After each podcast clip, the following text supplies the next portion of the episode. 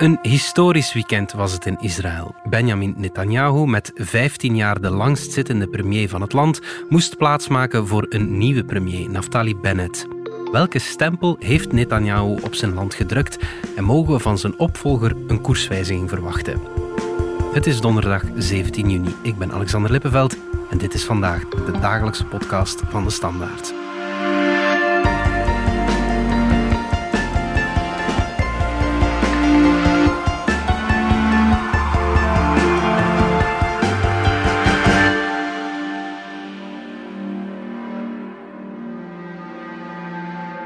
לא פחות חשוב, we'll be back soon.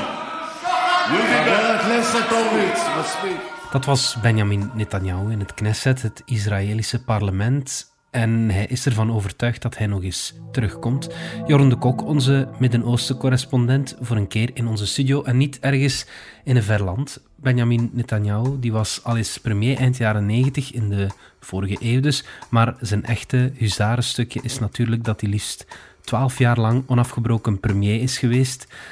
Van 2009 tot vorig weekend het feit dat ze er nu zo moeilijk van afgeraken, wil zeggen dat hij echt wel een enorme stempel op dat land heeft gedrukt, natuurlijk. Mhm, mhm, mhm. Ze zijn met een soort van mirakeloplossing uit de bus moeten komen om, om hem eindelijk, ja, om eigenlijk een simpele regeringsverandering mogelijk te maken. Een soort monstercoalitie wordt dat dan genoemd tegen hem. Een monstercoalitie om het monster Netanyahu eindelijk. Ja. Uh, hij is 71 ook. Hè. Je zou verwachten van zo iemand mag wel met pensioen gaan en uh, boeken gaan lezen onder zijn olijfboom, maar zo zit hij dus niet in elkaar schets eens wat voor iemand die is. Wat is zijn achtergrond?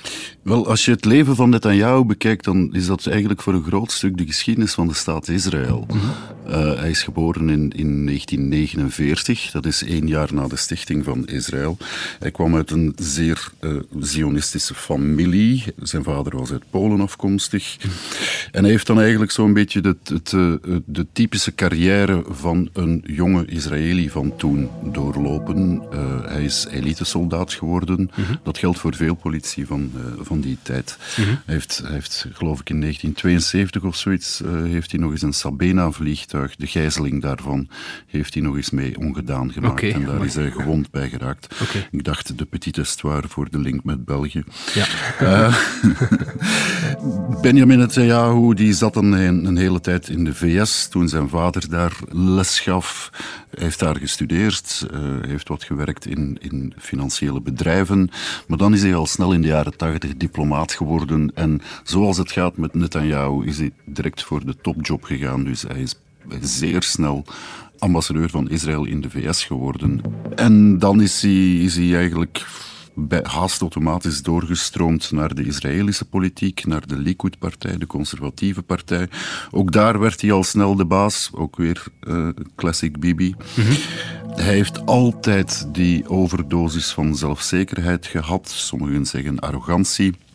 En hij is dan ook weliswaar in, in zeer speciale omstandigheden, uh, na de moord op de Israëlische premier uh, Yitzhak Rabin in 1995, mhm. is hij uh, zelf na verkiezingen premier van Israël geworden. Dat is die eerste keer in de vorige eeuw, die drie jaar. Mhm. Uh, dat viel eigenlijk een beetje tegen toen. Okay. In 1999 heeft hij het dan niet gehaald. Mhm. Dan is die, uh, heeft hij allerlei ministerposten gehad in, in uh, tussenregeringen die hij niet leidde. En dan in 2009 was het zover en het is pas ja, zondag dat uh, aan dat bijna eenmansregime Netanyahu een einde is gekomen. Dan moet hij toch een heel sterke invloed hebben gehad op zijn land. Laat ons het misschien even eerst niet over Palestina hebben. Wat, wat heeft hij zoal gedaan in zijn politieke carrière? Wel, als je bijvoorbeeld denkt aan de, aan de Israëlische economie, dan horen we heel veel verhalen over die high-tech economie, de start-ups. Eh, daar heeft hij voor een deel aan bijgedragen. Hij, was, hij had zo de ambitie om een beetje de, de Israëlische Margaret Thatcher te worden. Ja. Met privatiseringen, met belastingvoordelen voor de rijken, voor bedrijven. Dat lokte dan ook protesten uit. Uh, bijvoorbeeld in Tel Aviv uh, waren er uh, een jaar of tien geleden massaprotesten wegens de, de woningnood daar. Mhm. En Israël is een duur land. Hè. is ook onder Netanyahu alleen duurder geworden. Mhm. tegelijkertijd is het ook een heel apart land, want soms bestuurde Netanyahu bijvoorbeeld met de ultra-orthodoxe Dat zijn ja, de zeer, zeer conservatieve Joden. En dan uh, gaf hij wel gul geld aan die ultra-orthodoxen. Mm ook al krijgen die veel kritiek in Israël. Mm Ook wat die economie betreft is het natuurlijk een beetje ja, typisch voor Israël als apart land dat een groot deel van die hoogtechnologische industrie die zit in uh, het militaire, in de wapenindustrie, in uh, de zogenaamde ordehandhaving, in uh, spionage, cybersecurity, maar ook hacking en, en bewaking die kan worden, ook kan worden ingezet tegen de eigen burgers. Ja, ja. Maar goed, als Israël bij ons in het nieuws komt, dan gaat dat bijna altijd over de relatie met Palestina en, en de hele Palestijnse zaak heeft Netanyahu eigenlijk ooit geprobeerd om die relatie te herstellen en om dat probleem, om dat conflict op te lossen? Nee, uh, en, en, eigenlijk het absolute tegendeel. Mhm. De relatie met de Palestijnen, de, fundamenten daarvan nu, zijn eigenlijk de Oslo-vredesakkoorden van 1993. Mhm. Die ja, dat, dat principe van uh, twee staten een Palestijnse staat en een Israëlische staat die in vrede naast elkaar leven. Die Arafat en uh, Rabin hebben. Uh, Inderdaad. We who have fought against you, the Palestinians, we say to you today, in a loud and a clear voice, enough of blood and tears. Enough. Thank you. Thank you. Thank you. Rabin is dan vermoord mhm. eh, door een Israëlische extremist, mhm. omdat dat inging tegen ja, een deel van die grondstroom van Israël, die vindt dat het hele Bijbelse Israël aan Israël toebehoort en dat het heel vervelend is dat die Palestijnen daar wonen, maar Israël hoeft daar geen rekening mee te houden. En dat is ook heel erg de, de, de visie van Netanyahu. Hè. Hij heeft heel even lippendienst bewezen in, ehm, 1995 aan die Oslo-vredesakkoorden, omdat hij wist dat als hij premier ging worden, dat hij dan onmiddellijk ruzie zou krijgen met de Amerikanen als hij niet zou doen dat hij die Oslo-akkoorden respecteerde. Uh, maar tevoren was hij heel uitgesproken tegen de Oslo-akkoorden. Hm. En hij heeft dan eigenlijk heel snel is hij die, die akkoorden beginnen te saboteren. En dan zit je dus met het hele gegeven dat tot nu vandaag de dag doorgaat. Hè. Uitbreiding van de Israëlische kolonies uh, in Palestijns gebied. Uh, zowel op de westelijke Jordaanoever als in Oost-Jeruzalem. Mhm. Dat hebben we onlangs nog groot in het nieuws gezien. Hè. De, de, uithuiszettingen van Palestijnse families in die wijk Sheikh Shara in Oost-Jeruzalem, Palestijns Oost-Jeruzalem. Mhm. Dat is eigenlijk het systeem Netanyahu. Dat is zonder er al te veel ruchtbaarheid aan te geven, voortdurend meer Palestijns land inpikken en voldongen feiten creëren op het terrein en intussen de schuld geven aan de Palestijnen dat er geen vrede komt. Ja, waarom is hij er altijd mee weggekomen? Wel, dat is een zeer goede vraag, omdat je natuurlijk, uh, het is zeer merkwaardig dat een land, Israël, dat zo massaal voortdurend het internationaal recht schendt, mhm dat dat daar toch mee wegkomt. Dat heeft te maken met onze eigen Europese geschiedenis. Voor Europa is het nog altijd moeilijk om Israël te bekritiseren. Mhm. In de eerste plaats voor, uh, voor Duitsland. Israël is een creatie van na de Tweede Wereldoorlog mhm. en wordt dus in verband gebracht met een veilige thuishaven uh, voor de Joden na, na de Tweede Wereldoorlog, en na de mhm. Holocaust. Er is die bijzondere relatie met de Verenigde Staten, die dan nog eens in de laatste vier jaar onder Donald Trump naar zeer merkwaardige hoogten uh, is is gestegen. Under my administration, the unbreakable alliance between the United States and Israel has never been stronger. You read things, you hear things. It's never been stronger. Just remember that. People talk, but it's only talk. Our relationship is powerful. Thank you for all you have done to make the alliance between America and Israel stronger and greater than ever. Thank you, Mr. President. Netanyahu heeft van Trump zowat alles gekregen wat hij maar enigszins kon krijgen. Dus dat is, dat is eigenlijk een, een probleem van de internationale gemeenschap. Dat is. Um, eigenlijk weten we goed genoeg wat de feiten op het terrein zijn, maar eigenlijk kijken we toch liever een beetje weg. Mm en, en mag Israël nog altijd vrolijk meedoen aan het Eurovisie Songfestival. Ja. En, ja, als... Alle feiten zijn er, alle rapporten zijn er. Uh, we zien het soms dagelijks op onze tv en, en toch gaat het maar door.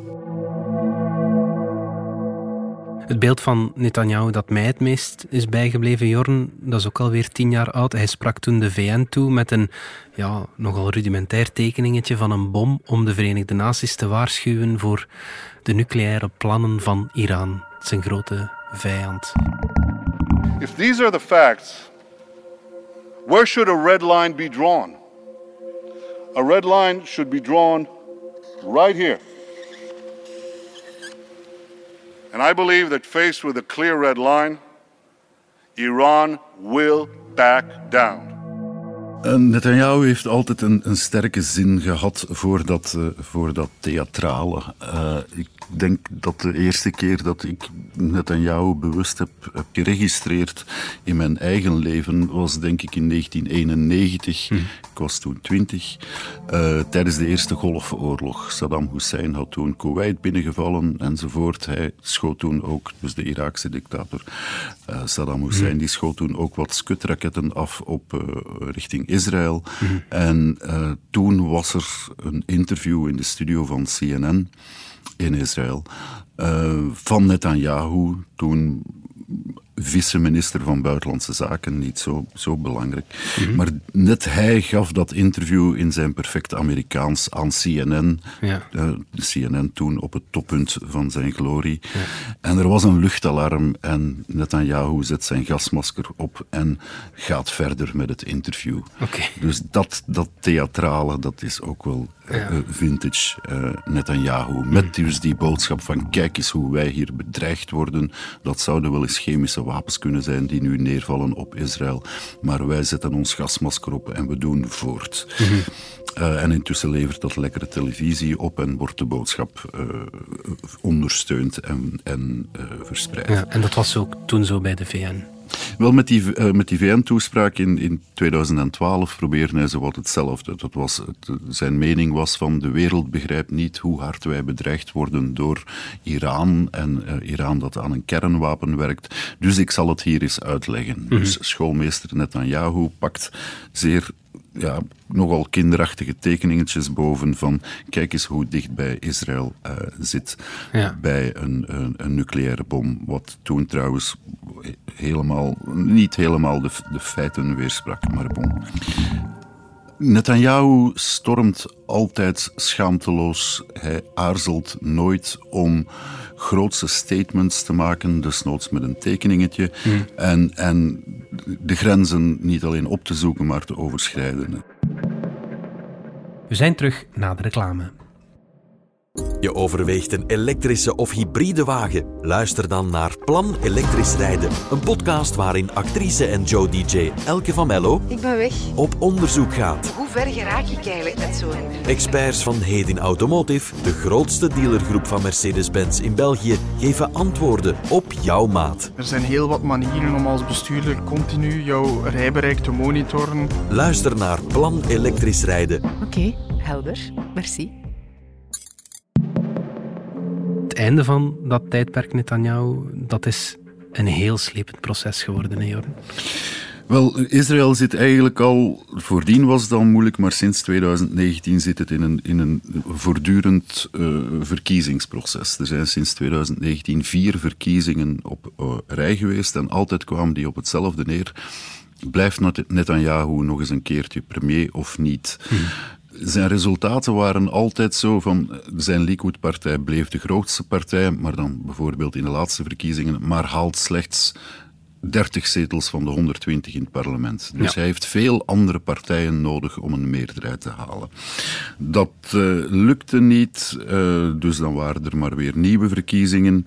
Het lukte heel even, eventjes wel met een grote coalitie vorig jaar. Uh, ook ja, omwille van de, de hele coronatoestand hmm. was er dan toch een centrumpartij, Blauw-Wit, dat, dat even mee wou. Het probleem met Netanyahu is van, één, hij is de baas, dat is duidelijk. Medestanders respecteert hij eigenlijk niet. Mm -hmm. uh, Netanyahu heeft iets dat een medestander is iemand die hij eigenlijk al overwonnen heeft. Dat is een zwakkeling, dus hij moet daar dan ook geen rekening mee houden. En dat is natuurlijk een van zijn, van zijn vieze kantjes. Dat is, de man heeft eigenlijk geen politieke vrienden meer, omdat hij iedereen al wel eens heeft geschoffeerd. Ja. Als je nu kijkt naar de nieuwe regering, de nieuwe premier Naftali Bennett, die is begonnen als kabinetchef uh, van Netanyahu. Ja, okay. uh, Gideon Saar, een andere uh, mens met een eigen partij nu, ook begonnen onder Netanyahu. Mm -hmm. Netanyahu, vanaf dat hij een bedreiging ziet, dat zijn mensen die hard werken uiteindelijk in zijn dienst. Hij beschouwt die meteen als potentiële concurrenten, dus die zullen moeten worden afgemaakt. Ja, Dan vormen die dus een eigen partijtje. En nu, zondag, zijn we dus op dat zogezegd historische moment uh, gekomen waarop dat iedereen die een pesthekel heeft gekregen aan Netanyahu, ook al zaten ze vroeger in hetzelfde bureau te werken, ze hebben dus uiteindelijk maar naar de radicale oplossing gegrepen dat is van als we nu eens allemaal samenspannen, dan krijgen we hem eindelijk weg. Oké, en is dat dan genoeg om een daadkrachtige regering te vormen? Gewoon een, een gemeenschappelijke vijand? Nee. Dat denk ik toch ook Het niet. is te zeggen, die afkeer van Netanyahu en het feit van we kunnen hem nu eindelijk, na twaalf opeenvolgende jaren, eindelijk van de macht verdrijven, dat is wel een cement voor ja. die coalitie. Dus uh, dat kan de boel wel samenhouden. Um, maar de beste drijfveer is het niet, hè? De, het is niet de beste drijfveer. Ja. En wat dat betreft zit je met het probleem van, je zit met acht partijen die uh, heel verschillende denkbeelden hebben. Uh, behalve dus dat verenigende denkbeeld van oef, we zijn van Netanyahu af. Ja, ja, ja. Dus voor de rest gaan daar heel veel politieke interne clashes gebeuren. Het, wat, er, wat we weten van een coalitieakkoord vliegt een beetje alle kanten op. Netanyahu gaat ook niet, niet echt galant opzij op dit moment. Netanyahu is zo iemand die het is gewoon ondenkbaar dat hij geen premier meer is. Mm. Daar, daar kan hij niet bij. Uh, hij ziet zichzelf echt wel als de enige van de bijna 10 miljoen Israëli's die capabel is om dat land te leiden. Ik zag ook een video dat hij maandag nog op zijn oude plaats ging zitten in, uh, in het Knesset, hè, in het parlement. Het was een heel typisch ja. krachtig beeld zo van, hij was net afgezet uiteindelijk, maar zo uit, puur uit gewoonte gaat hij op, op de stoel van de baas zitten, want daar vindt hij dat hij thuis hoort. Ja, ja, ja. Het is bijna iets, iets messianistisch om in, in, ja, om in de regio van Palestina en het beloofde land te blijven. Maar het is zo, alleen hij kan, kan, kan Israël leiden, anders gaat het land ten gronde. En dat merk je dus ook aan de hele retoriek die hij nu inzet. Uh, er is verraad gepleegd. Uh, de, de, de grootste fraude in, in uh, verkiezingsfraude ooit is nu gebeurd.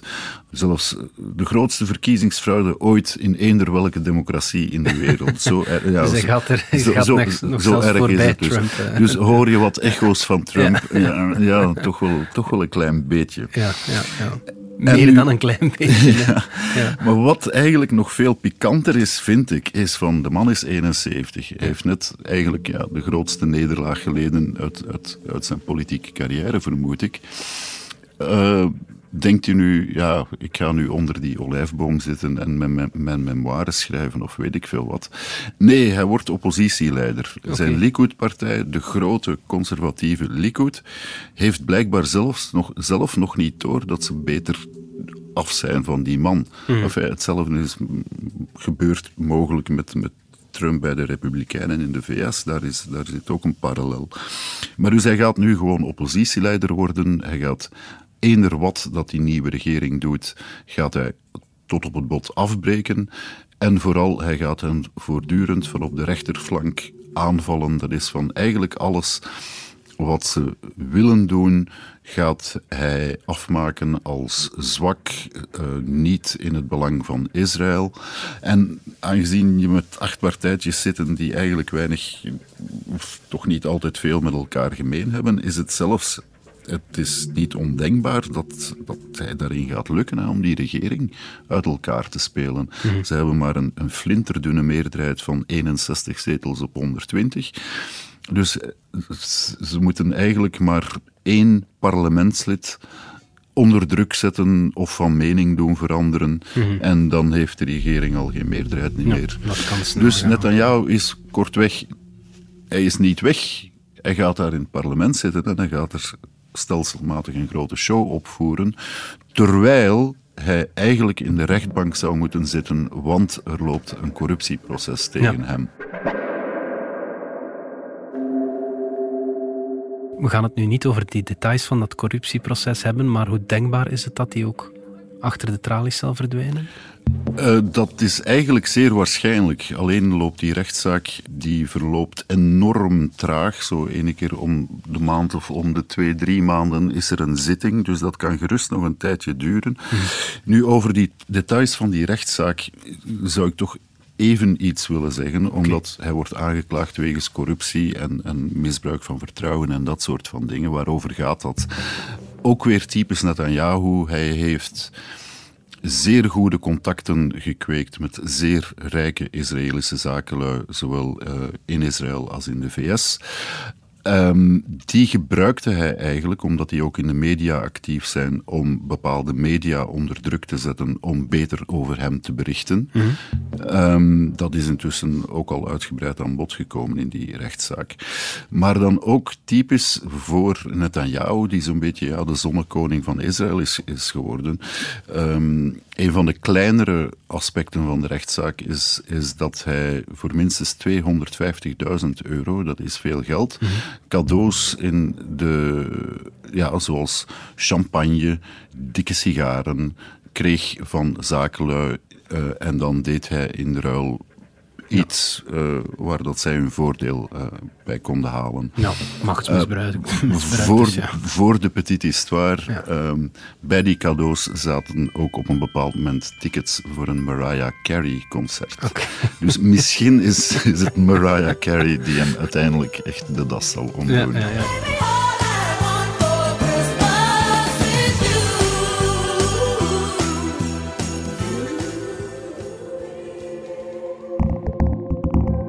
Om even terug te komen op die Palestijnse kwestie, is er met het vertrek van Netanyahu een kans dat er toch nog een ja, bepaalde vrede komt en dat er een oplossing komt? Um, het korte antwoord is nee, omdat uh, een deel van die coalitie bestaat soms uit mensen die nog extremer uh, zijn daarin dan Netanyahu, zoals Naftali Bennett, de, de nieuwe premier. Ah ja, Um, die is onomwonden voor de annexatie van Palestijns gebied. Netanyahu heeft het altijd zo wat vager gehouden, maar het in de praktijk wel gedaan, mm. uh, moet, je, moet je eigenlijk zeggen.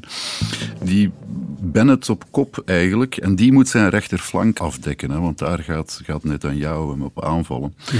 Dat is een, ja, een, een, een software multimiljonair uh, die dan eigenlijk een kolonistenpartij heeft gestemd, die ook zelf nog in, in, in een kolonie heeft gewoond. Die zijn illegaal volgens, in, uh, volgens internationaal recht. Mm -hmm. Ook in het leger gediend. heeft er is de uitspraak over, over gedaan dat hij in zijn leven al veel, veel Arabieren heeft gedood. En daar is ook geen probleem mee. Mm -hmm.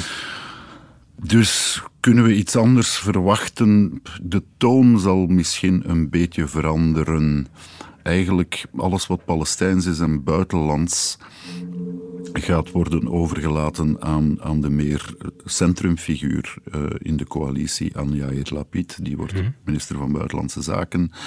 Uh, maar gaat er iets veranderen aan Israëlische politiek op de westelijke Jordaan over? In Oost-Jeruzalem gaan die confiscaties stoppen? Nee.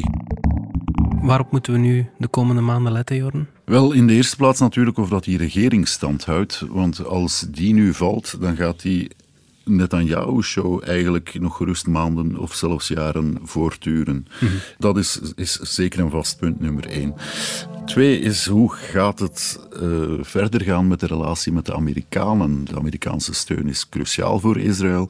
Biden is, zal niet die relatie met Israël stopzetten, maar de Amerikanen gaan duidelijk een stuk kritischer worden voor Israël dan voordien het geval was. Zeker omdat er op het terrein weinig zal veranderen. Ja. Uh, en dan moeten we uitkijken naar wat de Palestijnen gaan doen. Uh, soms lijken die van de aardbodem te zijn verdwenen, mm. zoals jou het graag wou. Ja. Uh, maar dan plots in mei stonden ze er weer. Hè. Er, was, er was zeer lokaal burgerprotest van enkele families in Oost-Jeruzalem tegen het feit dat ze uit hun huizen werden verdreven om plaats te maken voor kolonisten, dat dan toch weer dat belletje doet rinkelen in de rest van de wereld en plots is er daar weer wereldwijde aandacht. Dus de Palestijnen zijn het zo hartstochtelijk beu om voortdurend te worden gekouillonneerd. Ja. Die nieuwe regering gaat daar niet veel, eigenlijk niks aan veranderen, lijkt mij. Dus Netanyahu is een klein beetje weg, maar het echte verhaal gaat intussen wel voort. Mm Oké, goed. Jorn de Kok, dankjewel. Alsjeblieft. Dit was vandaag de dagelijkse podcast van De Standaard. Bedankt voor het luisteren. Reageren kan via podcast.standaard.be. Alle credits vind je op standaard.be-podcast. Morgen zijn we opnieuw.